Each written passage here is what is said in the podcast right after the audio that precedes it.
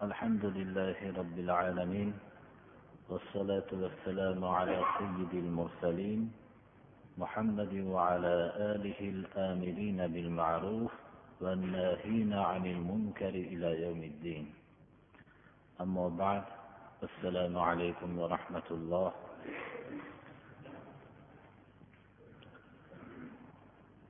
qur'oni karimdan davom etayotgan juma kunlaridagi darsimiz surai nisoni avvalgi jumada boshlagan edik.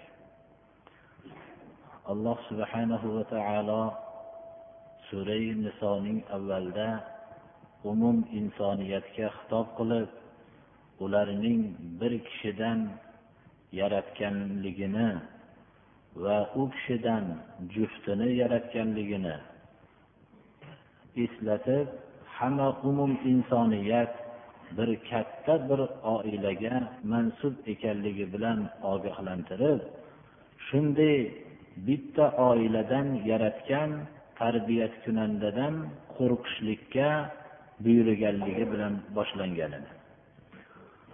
Oila zikri munosabati bilan alloh subhanahu va taolo yetimlarni oilada tabiiy o'lim alloh subhanahu va taolo o'limni yer kurrasida o'zining sunnati qildi.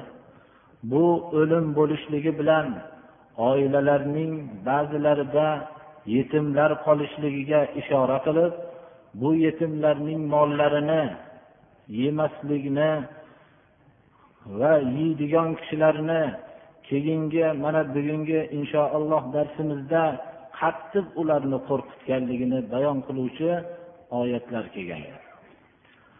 Oila zikri munosabati bilan turmush qilishlikdagi ba'zi zulmlardan ehtiyot bo'lishlikka va shariatning turmushdagi ba'zi ruxsatlarni bildiruvchi oyatlarni avvalgi darsda o'rgangan edik.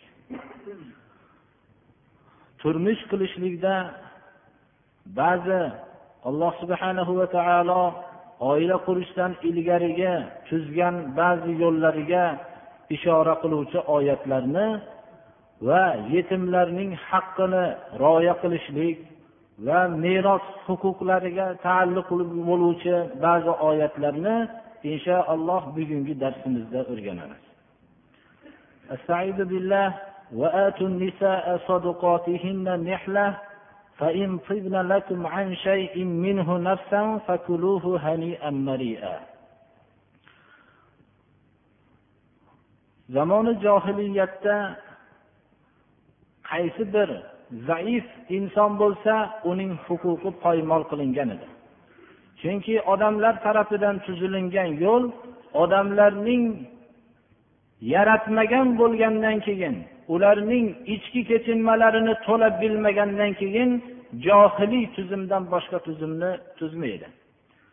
Alloh subhanahu va taolo o'zi insonni yaratdi va yaratib buning qaysi bir ichki kechinmalari bo'lsa uni o'zi ilmi azaliysi bilan bildi va shu insonga muvofiq bo'lgan olamni yaratdi va shu muvofiq bo'lgan yo'lni ham payg'ambarlar vositasi bilan jo'natdi.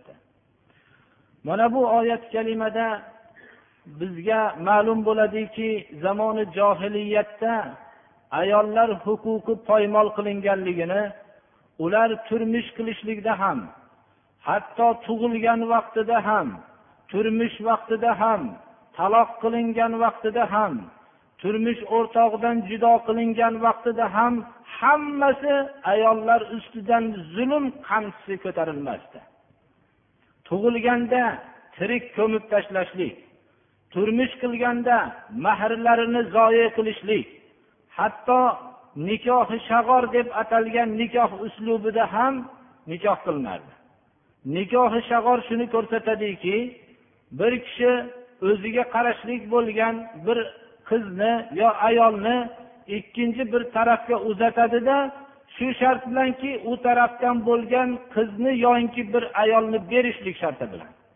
Mana bu tabiiyki bir tarafdan ikkinchi tarafdan ayol yo qizni olishlik sharti bilan bo'lgan nikoh zulmdan xoli bo'lmaydi. Chunki u tarafdagi qiz yoinki ayol bunga turmushga chiqishlikni xohlamasligi mumkin. Yoyinki ular shunda ba'zi mahrlarni poymol qilib turib bo'lsa ham ayollarni huquqini poymol qilib turib shu turmushlarni qilishligi mumkin edi. Alloh subhanahu va taolo mana rasuli sollallohu alayhi vasallamni muborak tillari bilan nikohi shag'orni bekor qildi. Shu shart bilan bo'lgan nikohni man qildi shariat islomiya. Mana bu oyatda ayollarga ularning mahrlarini marhamat hadiya tariqasida beringlar. Ayollarga mahrlarni berishlik u senga shu narsani berdim degan uslubda emas qur'oni karim kalimasi bilan chegaralanib qolmasdan nehlatan hadiya tariqasida beringlar marhamat tariqasida beringlar. Mana bu bilan din dushmanlarining islom ayollarni pulga sotgan degan gaplari botil bo'ladi. Ayollar tarafiga beriladigan mahrlar hadiya tariqasida marhamat tariqasida beriladi. Ammo din dushmanlari islomga qarshi bo'lishligi bilan ular o'zlarining qizlarini birortasi biror haq olmasdan berishdimi? Ular balki boshqalarga shunday og'ir bir haqlarni o'rgatib qo'yishlarini ayollarning mahrlarini marhamat nuqtai nazaridan hadiya tariqasida beringlar. Ularning demak degi saduqot kalimasining ayollarga izofa qilinishligi bilan islom ayollarning moldagi haqlarini muqarrar qilyapti. Bu mahrlarni hech qanday shu uzatilayotgan qizning hojalari egalari ya'ni ota onalarining hech qanday haqlari yo'qdir.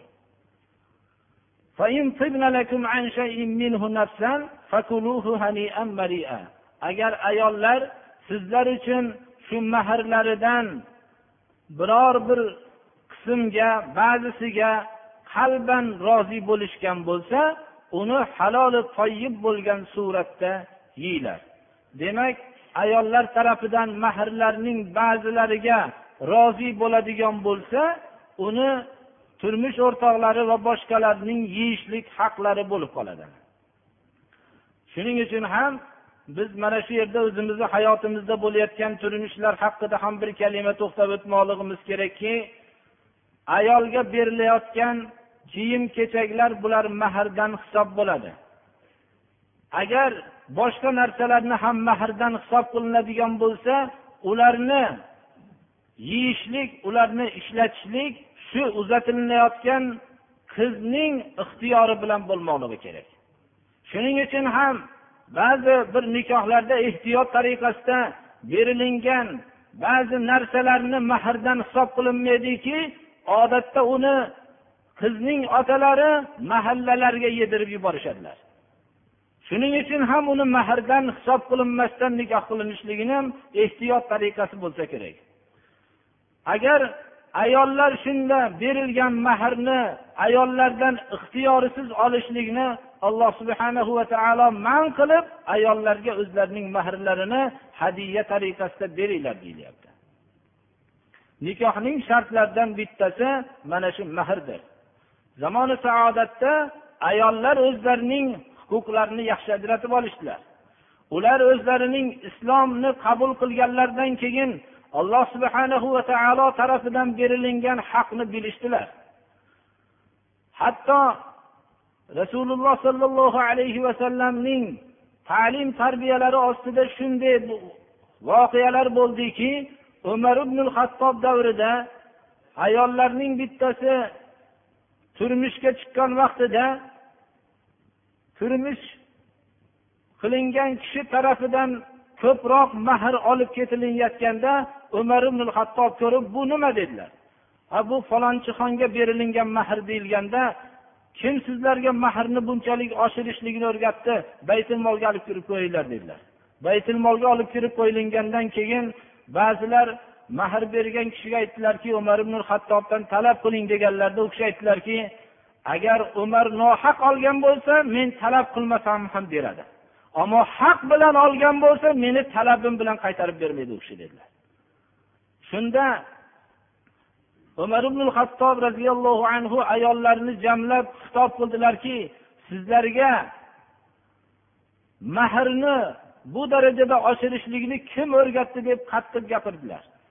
va rasululloh sollallohu alayhi vasallamning mahrlar ayollarining mahrlarini oz bo'lganligini e'lon qildilar shunda bir ayol turib وإن أردتم استبدال زوج مكان زوج وآتيتم إحداهن قنطارا فلا تأخذوا منه شيئا آية o'qib أتأخذونه بهتانا وإثما مبينا shu oyatni o'qib turib ey umar olloh haq aytyaptimi yo sizni gapingiz to'g'rimi dedilar Shunda sababini so'raganlarida xudo qur'onda bizlarga shuncha haq berilsa ham uni qaytarib olmanglar deyaptiyu deganlarda madinadagi ayollar ham umardan olimroqda tushib ketgan ekanlar lekin shunday bo'lsa ham janobi rasululloh sollallohu alayhi vasallam ayollarning mahrini oz bo'lishligiga targ'ib qildilar. Ularning haqlarini tortib olganlari yo'q. va marhamat qildilarki ayollarning eng barakotlisi mahrlari yengil bo'lganlari dedilar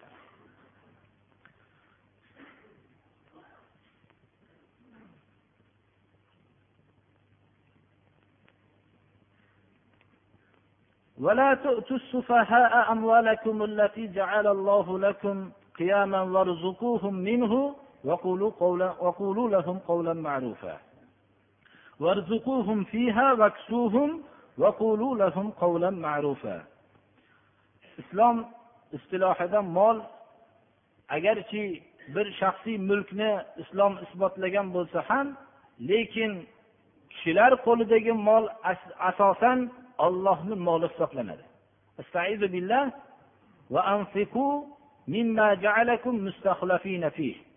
mo'minlar molda xalifa qilingan kishilar. Mol ollohni moli.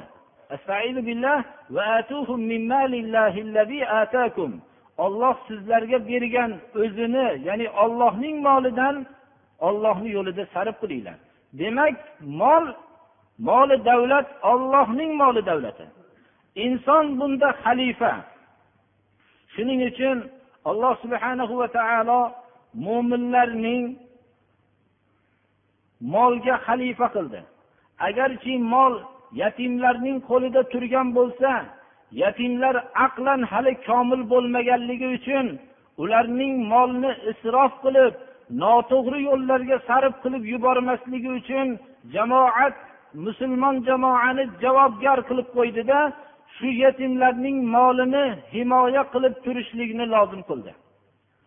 Shu bilan birga yetimlarning hali aqlan kamolot yoshiga yetmagan yetmaguncha ularning qo'liga molni topshirmaslikka buyurdi. Mana bu oyat shunga dalolat qiladiki sizlar hali aqlan komil bo'lmagan nodonlarga alloh subhanahu va taolo sizlarni xalifa qilib qo'ygan mollarni bermanglar. Hatto diqqatga sazovorki amvalakum molilarni deyapti. Yetimlarning qo'llarida turgan mol javobgarligi sizlarning yelkanglarga. Sizlarning molinglar bu molni hali aqlan komil bo'lmagan kishilarning qo'liga topshirib qo'ymanglar. Alloh subhanahu va taolo sizlarni bu molga xalifa qilib qo'ygan edi. Yetimlarni bu mollar bilan yediringlar va ularga kiydiringlar. Bular o'zimni molimga men hokim bo'lolmayapman degan g'amginlik paydo bo'lganda ularga yaxshi shirin gaplarni aytinglarki sizlar bir yaqin kelajakda molni sarf qilishlikni bilib olganinglarda bu mollarni sizlarga qaytarib beramiz deb yaxshi so'zlarni aytinglar. Ba'zi mufassir ulamolarimiz nodonlarga moliylarni bermanglar degan vaqtda alloh subhanahu va taolo mo'minlarni mollarga xalifa qildi. Molni haq yo'lda sarf qilmaydigan nodonlarga bermanglar ammo bizlarning mollarimiz mollarni islom yo'lida sarf qilmaydigan kishilarning qo'lida qoldi. Moliylarni hali haq yo'lni nohaq yo'lni ajratmaydigan kishilarning qo'llariga bermanglar deyapti alloh taolo. Olloh sizlarni bu mollarga xalifa qilib qo'ygan edi. Ana mollar sarf qilingan o'rinlarni biz agar nazar tashlasak tamomiy avlodlarimizni necha yillab islomdan chiqarilishlikka sarf bo'ldi. Butun mehnatlar bilan topilingan mollar hamma xalqning gumroh yo'liga sarf bo'ldi. Hozirgi xonadonlarda ham sarf bo'layotgan mollarni bir tekshirib ko'radigan bo'lsak birodarlar alloh subhanahu va taolo xonadon egasini shu molga xalifa qilib rizq bergan edi. U o'zining farzandlarini islom yo'lida tarbiya qilishlikka sarf qilishligi kerak edi. Uning uyida ma'siyatlardan saqlanishligiga sarf bo'lishligi kerak edi. Lekin sarf qilinishligi kerak bo'lgan avlodlarni ham mol to'plashlikka ishlatib turib ma'siyat yo'lida birga sarf qilinyapti. Ko'chadagi ma'siyatlar yetmasdan balki uylarga pul sarf qilib ma'siyatlarni olib kelinyapti. Hatto ba'zi mana to'y munosabatlari bilan sarf qilinayotgan mollarni agar bir diqqat bilan qarasak bizlar shunday tubanlashib qoldikki bizlarning o'rtalarimizda turib bizlarga nasihat omiz qilib qo'llarida cholg'u asboblarini olib bizlarga nasihatlar aytib berayotgan kishilar axloq degan narsadan chetdagi kishilarga qoldik. Shular bizlarga nasihatchi bo'ladigan bo'lishligini talab qilyapmiz. Mana bu narsa xalqlarning juda tubanlashib ketganligini belgisi. Islom moli davlatinglarni nodonlar qo'liga topshirib qo'ymanglar desa bizga xitob qilayotgan bo'lsa biz hali kamolot yoshiga yetmagan yetimlarning molini ularning qo'liga bermaylikki nohaq yo'llarga sarf qilib qo'ymasin deb bizga xitob qilayotgan bo'lsayu bizning holatimiz nodonlarning nodoni bo'lsak. mana bu narsani biz bir o'ylab ko'rmoqligimiz kerak birodarlar olloh bizga xitob qilyaptiki bunday nodonlarning qo'liga moliylarni topshirib qo'ymanglar olloh subhanahu va taolo sizlarni bu molga xalifa qilgan edi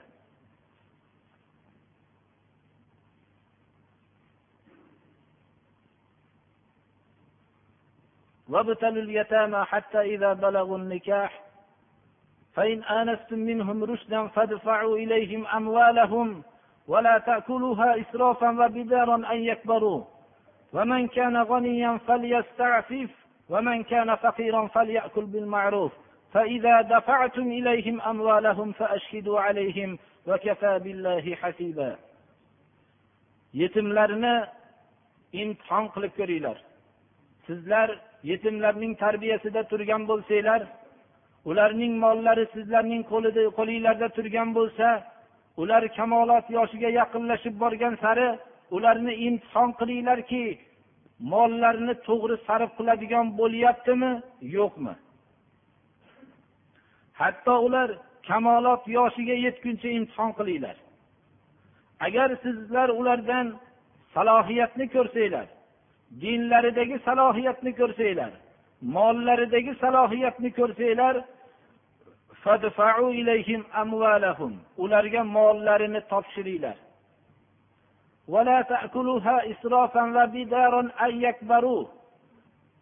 sizlar bu yetimlar kamolot yoshiga yetib kelyapti. Endi kamolot yoshiga yetgandan keyin men mollarni uni qo'liga topshirardim.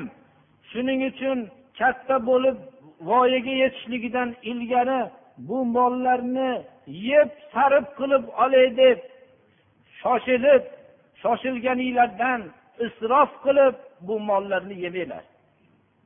Haqiqatda ham molni ba'zi narsalarga sarf qilayotgan vaqtda yetimlar kamolot yoshiga yetib qolgan sari bu mollarni sarf qilishlik bilan shoshilmanglar. Alloh subhanahu va taolo bizning qalbimizda ich iç ichimizda bekinib turgan narsalarning hammasiga xitob qilyapti. Shu bilan birga alloh subhanahu va taolo agar yetimni tarbiya qilib turgan kishi kambag'al bo'lsa shundan xizmat haqqiga o'rtacha miqdorda ovqatlanishlikka ruxsat berdi. Agar yetimga qarab turgan kishi davlatman bo'lsa u o'zini pokiza saqlab yetimni moliga hech qachon qo'l uzatmaslikka buyurdi. Mana bu oyat shunga dalolat qiladi. Kim davlatmand bo'lsa o'zini pok bo'lishligini talab qilsin. O'zini pok saqlasin. Yetimni moliga qo'lini uzatmasin. U alloh subhanahu va taolo tarafidan bo'lgan ajrni kutsin. Rasululloh sollallohu alayhi vasallam aytdilarki ana va kafilul yatimi qiyamah dedilar. Men va yetimga qarovchi kishi qiyomat kunida shu holatdaman deb ko'rsatkich barmoqlari bilan o'rta barmoqlarini yonma yon qildilar. Yetimga qarovchi kishi bilan men qiyomatda yonma yon turaman dedilar. Mana shu mukofotni umid qilsinda yetimning moliga qo'l uzatmasin u ozgina xizmat haqqini umid qilmasin davlatman bo'lsa. U oxiratdagi shunday katta mukofotni umid qilsin. Ammo shariat toqatdan tashqari narsaga buyurmaydi. Agar kambag'al bo'lsa ma'rufan yeyishlikka ruxsat berdi. O'rtacha miqdorda maishat qilmaydigan suratda yetimning molidan yetimga qaraganligiga xizmat haqqi bo'lib yeyishlikka ruxsat berdi.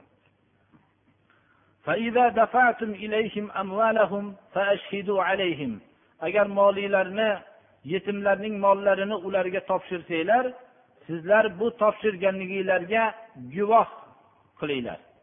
Islom adovatning kelib chiqishligini oldini oladi. Shuncha inson bir kishini tarbiya qilsa ham agar uning guvoh qilib qo'ymagan bo'lsa mumkinki uning sha'niga biror bir tuhmat bo'lib qolishligi mumkin. Tuhmat har qanday suratlarda ham qattiq botadiyu lekin bir yetimni tarbiya qilganingizdan keyin bu yetim sizga tuhmat qilib tursa unda bu tuhmat qattiq botadi. Shuning uchun alloh subhana va taolo buning oldini olib yetimlarning mollarini topshirayotgan vaqtinglarda ularni ustida guvoh qilib qo'yinglar. Sizlar qalbinglarni guvoh qo'yayotganda pok saqlanglar. Olloh o'zi qiyomat kuni hisob qiluvchi bo'lishlikda guvohlikka o'zi kifoya qiladi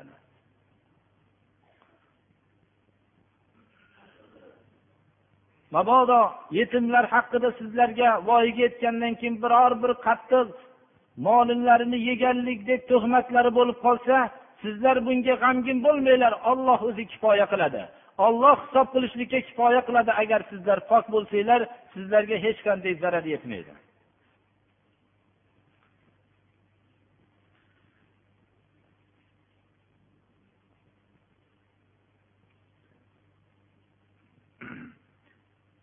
للرجال نصيب مما ترك الوالدان والأقربون وللنساء نصيب مما ترك الوالدان والأقربون مما قل منه أو كثر نصيبا مفروضا alloh subhanahu va taolo mana bu yetimlarning mollariga qarovchi kishilarning bayoni o'rtasida shu johiliyat davrlaridagi avvalda aytib o'tganimizdek qizlarni meroslantirilmasdi go'dak bolalarni meroslantirilmasdi. Magar meroslantiriladigan bo'lsa ozgina bir miqdorda berib qo'yiladi. Buning sababi johiliyat odamlarning odam degan nuqtai nazarda o'lchamasdi. Ular jangda ishtirok etmaydigan va hamda ularning qo'llaridan biror bir xizmatlar kelmaydigan va shu meros molida hech qanday ishtirok etmagan yosh bolalar deb yo qizlar deb turib ularga meros berilmasdi. Chunki johiliyat insonning insonligini hisob qilib unga marhamat qila olmaydi. U faqat uning ish ishlagan tarafigina hisobga oladi. Boshqa johiliyatlar ham kishilarning inson degan nuqtai nazardan qaray olmaydi balki ularning ish amallari bilangina odam deb e'tibor qilinadi. Ishlamagan kishining ular odamlik xususiyatini agarki labdan mahrum qilishmasa ham amalan mahrum qilishadi.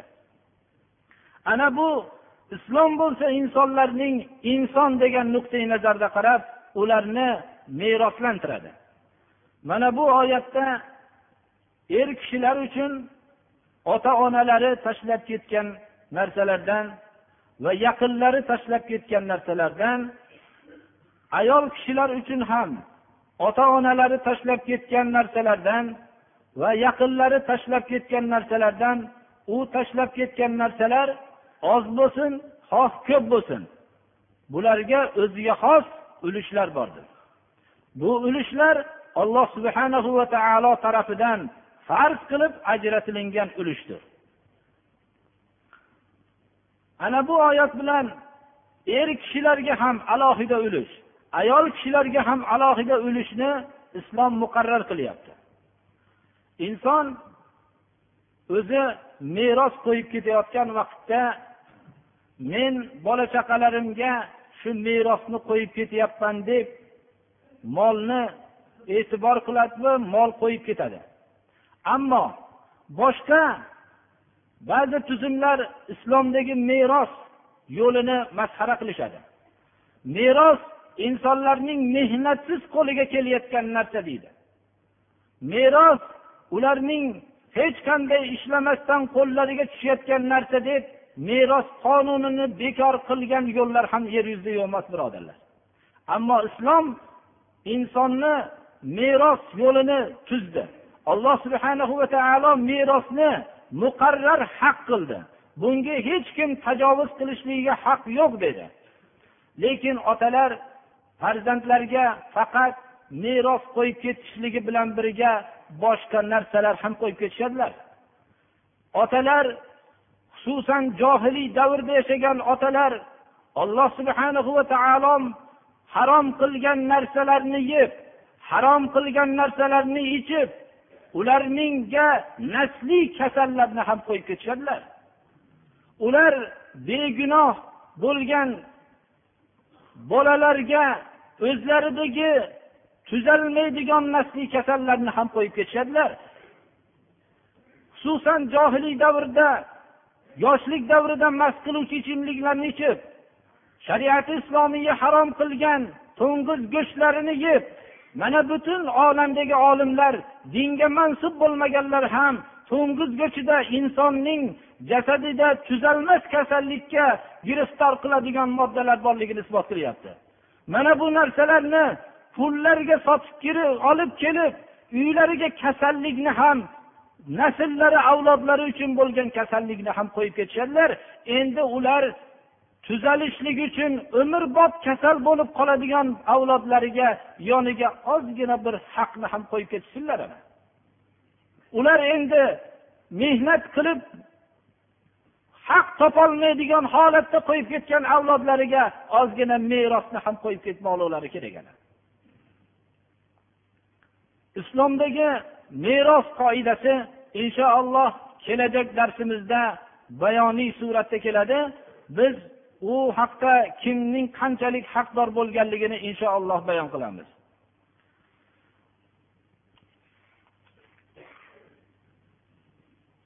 وإذا حضر القسمة أولو القربى واليتامى والمساكين فارزقوهم منه وقولوا لهم قولا معروفا agar taqsim vaqtida qarindoshlar hozir bo'lib qolsa yetimlar hozir bo'lib qolsa miskinlar hozir bo'lib qolsa ularni ham shu merosdan ozgina ulush berib rizqlantiringlar.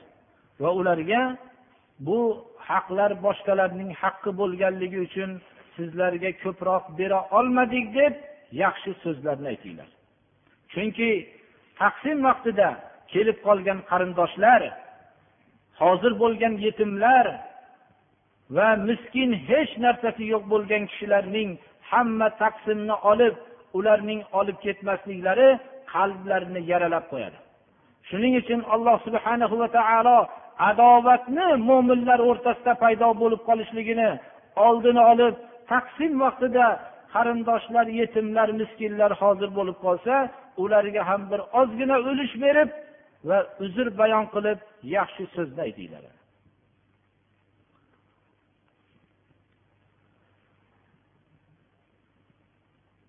ba'zi mufassirlarning fikrida bu oyat mansux meros oyatlari bilan deyiladi. Lekin aksar ulamolar buning mansuhligiga hojat yo'q. U meros haqlaridagi taqsimotlar alloh subhana va taolo tarafidan bo'lgan taqsim bo'lsa bu naflan farzan avvalgisi farzan bo'lsa bunisi naflan ixtiyoriy suratda berib qo'yishlikka bo'lgan targ'ibdir deyishadilar.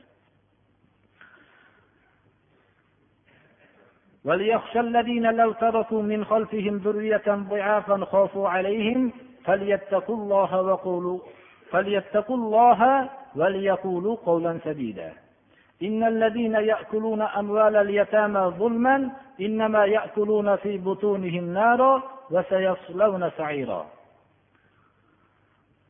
alloh subhanahu va taolo merosxo'rlarning ulushlarini bayon qilishlikdan ilgari yetimlarning mollarini yeyishlikdan yana ogohlantiryapti. Ogohlantirishlikning ikki uslubi qur'oni karimda qo'llanyapti odatda ogohlantirishlik birinchi uslubda ularning otalik mehrlarini qalblaridagi otalik mehr torini qo'zg'atilgan bo'lsa ikkinchisida do'zax o'ti bilan ogohlantirilyapti. O'zlaridan keyin ularning tarbiyalari qanday bo'lishligidan tashvish qilishadigan zaif zurriyotlarni qo'yib ketishligi mumkin bo'lgan kishilar qo'rqishsin yetimlarning molini yeyishlikdan inson o'zining ko'z oldiga bir keltirsin. O'zini dunyodan o'tib ketgan deb tasavvur qilsin. Shunda farzandlari yosh qolganligini bir tasavvur qilsin. Shunda yosh qolgan farzandlariga ozgina bir tarbiyalari uchun ozgina miqdordagi moddiy narsasi qolganligini ham ko'z oldiga keltirsin. Shunda mahalla kishilari atrof kishilarining kunma kun qatorma qator kirib shu qolgan boylikni yeyotganligini ko'z oldiga keltirsin.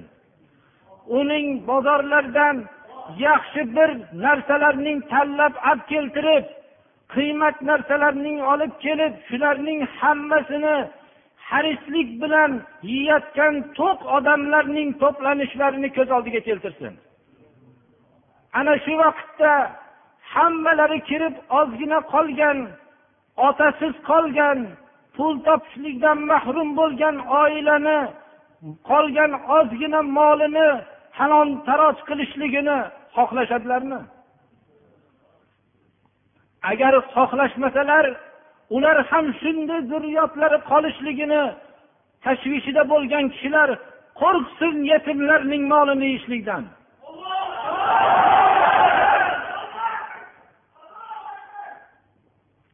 Ollohdan qo'rqishsinlar va to'g'ri so'zni gapirsinlar mana shunday majlislarda. Biz hozir noto'g'ri ishni qilyapmiz deysizlar biz munkar ishlarni qilyapmiz olloh man qilgan narsani qilyapmiz deysizlar agar bunday deyishlikka ularda iymon zaiflik qilib vijdonlari yo'qolgan bo'lsa shunday deyayotganlarga qarshilik qilmasinlar.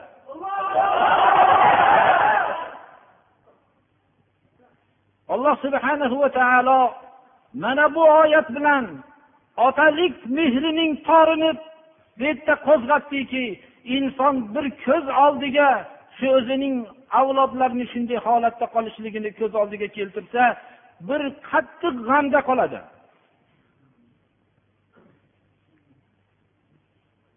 Lekin bu so'z yetimlar molini yegan kishiga ta'sir qilmaydigan bo'lib qoladi. Agar bir marta yetimlar molini harislik bilan yesangiz bu so'z sizga kifoya qilmaydi. Shuning uchun alloh subhana va taolo do'zax o'ti bilan qo'rqityapti. Va qo'rqitishlikning oxirgi nuqtasi bilan qo'rqityapti. Yetimlar mollarini yeyayotgan kishilar zulman yeyayotgan kishilar ular ovqat yeyapman deb gumon qilishmasinlar. Qat'an innamo kalimasi bilan kelyapti. Ular qorinlarida do'zax o'tini yeyishyaptilar ular.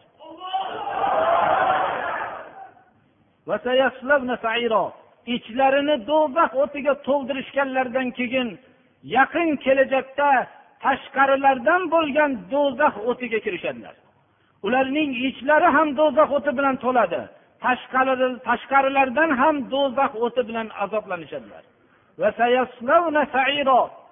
Yaqin kelajakda alloh subhanahu va taolo muzore siygasini ham sin bilan keltiryaptiki yaqin kelajakda ular do'zaxga kirishadilar. Do'zax kalimasi avvalda nor bilan kelayotgan bo'lsa keyingisida sairo kalimasi bilan ya'ni nihoyatda dahshatlik sirlab yonuvchi do'zax o'tiga kirishadilar.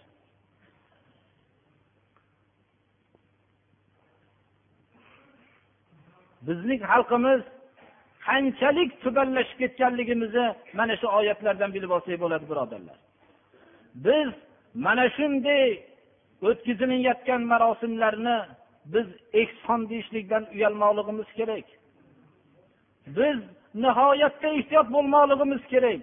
Biz shunday muhitlarda qora odamga aylanib ketishimiz kerak. Shu yerlarda biz yaxshi so'zlarni aytmay qattiq gaplarni gapirmoqligimiz kerak. Alloh subhana va taolo ollohdan qo'rqinglar va to'g'ri so'zni gapiringlar deyapti. Mana shu umrimizda hech qayerda to'g'ri so'zni gapirmasak ham shu yetimlarning molini yeyotgan o'rinda to'g'ri so'zni gapirmoqligimiz kerak. Alloh subhana va taolo shunchalik ta'kid bilan bizlarni ogohlantirdi. Bu oyat meros haqqiga juda taalluqli bo'lganligi uchun bizlarda meros ilmi poymol bo'ldi birodarlar. Bir kishi vafot qilsa uning moli faqat uyda qolgan shu ayolning qo'lida qolib ketadi. Ota onasi ham mazlum mazluma bo'ladi. Farzandlarning haqqini atrof muhitdagi kishilar zulm qilib talaydi. Ana bu narsani biz bizdagi islomning o'nglanmayotganligining siri ham biz alloh subhanahu va taoloning buyruqlarini eshitmayapmiz. Alloh subhanahu va taolo bizga nozil qilgan qur'onni o'rganmayapmiz. Bu qur'oni karimdagi narsalarni bilganlar e'lon qilmayapmiz. E'lon qilgandan keyin amal qilmaslik bilan yana tubanlashib boryapmiz. Alloh subhanahu va taolo mana shu oyatdagi yetimlarning haqqi haqidagi haqidagi aytilgan oyatlardagi qattiq oyat yo'q birodarlar. Endi bu ta'sir qilmagan kishiga maizaning ham foydasi yo'q. U hech qachon ta'sirlanmaydi. U ta'sirlanadi nadomat qiladi do'zax o'tiga kirgandagina nadomat qiladi. U vaqtda vaqtlar o'tgan bo'ladi. U vaqtda nadomat hech qanday foyda bermaydi.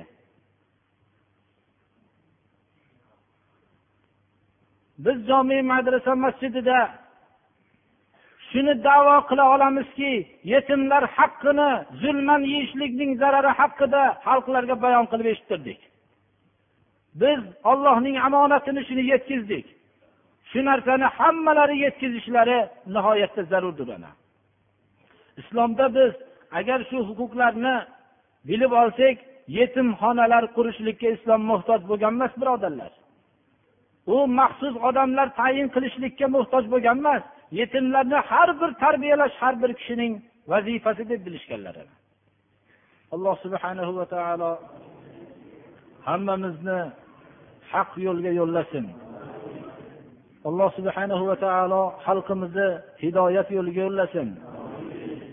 Alloh subhanahu va taolo islom haqiqatlarini bilishlikka olloh hammamizni muvaffaq qilsin mana payg'ambarimiz sollallohu alayhi vasallam aytdilarki shu mazmundagi so'zni bir kishiga olloh yaxshilikni iroda qilsa dinnida faqih qilib qo'yadi. Ya'ni dinni tushunadigan qilib qo'yadi.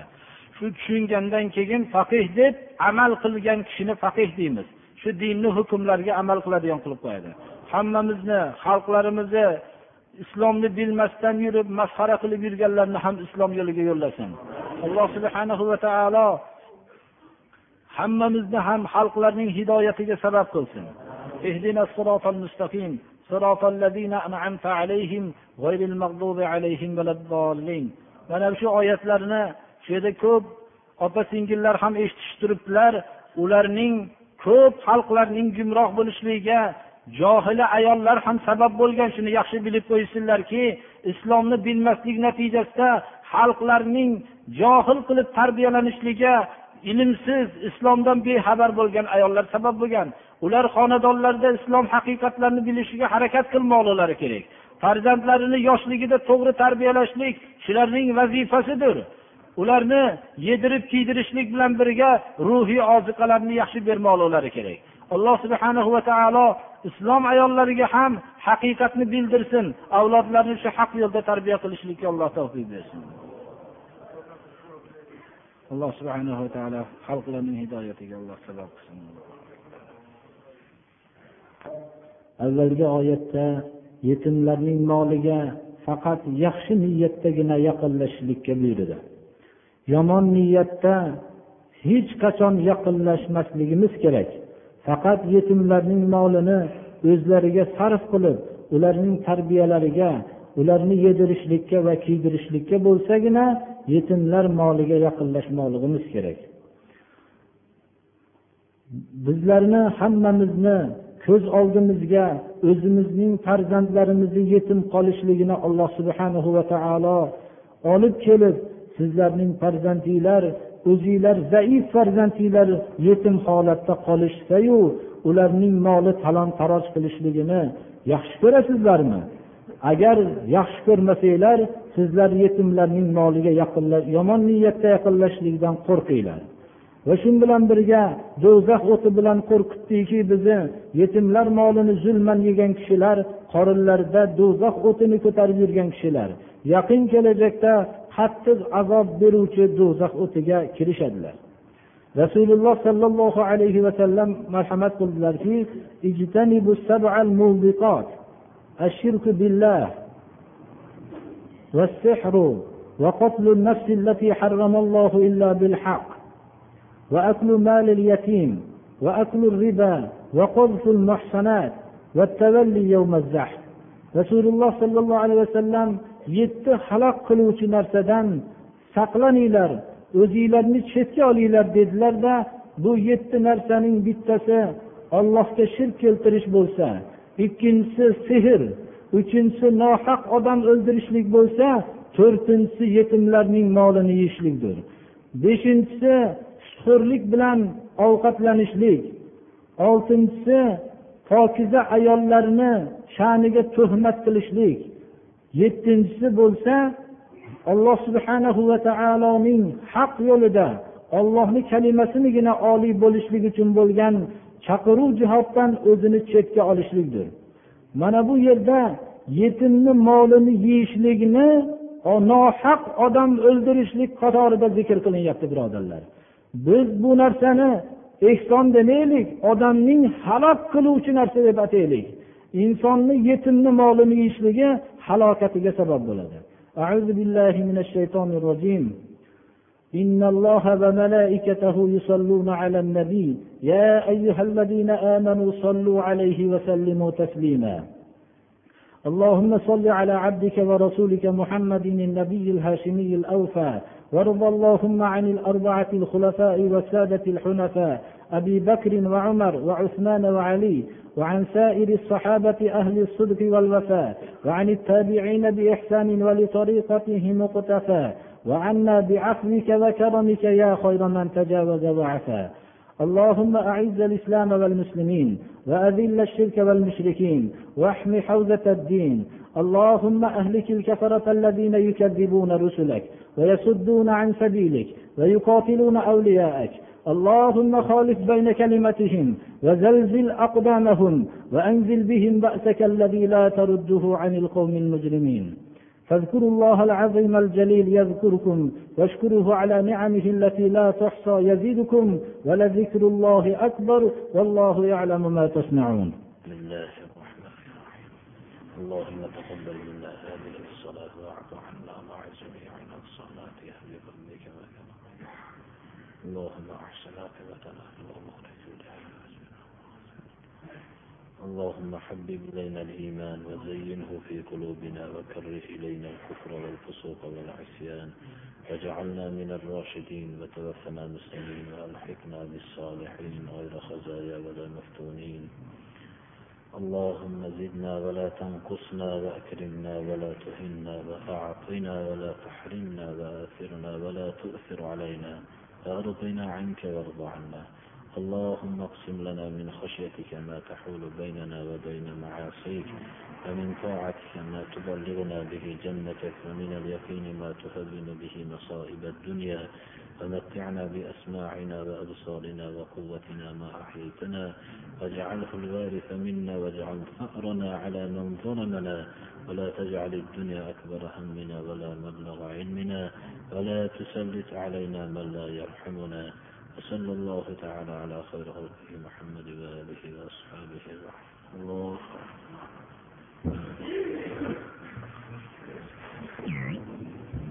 اللهم ارحمنا بالقرآن العظيم. واجعله لنا إماما ونورا وهدى ورحمة. اللهم ذكرنا منه ما نسينا وعلمنا منه ما جهلنا. وارزقنا تلاوته آناء الليل وآناء النهار. واجعله لنا حجة يا رب العالمين وصلى الله تعالى على خير خلقه محمد وآله وأصحابه أجمعين الله أكبر birodarlar bir uchta kishi duo qiling deyishgan ekanlar alloh taolo bemorlarga alloh shifo bersin alloh taolo maqsadi borlarni maqsadini alloh taolo shar'iy maqsadlarni bersin hammalarimizni ham gunohlarimizni mag'firat qilsin ibodatlarimizni qabul qilsin Mehmonlarimizdan bor bu yerda mana da'vat yo'lida kelishganlar. Alloh subhanahu va taolo ularga ajri azim bersin va ko'p shu qilayotgan xizmatlarini ko'p jamoalarni chiqishlik bilan ko'zlarini alloh taolo xursand qilsin. Bizlarni ham shu doilarni bizni safimizdan ham ko'paytirsin. Mehmonlarimizni qadamlariga alloh hasanotlar bersin.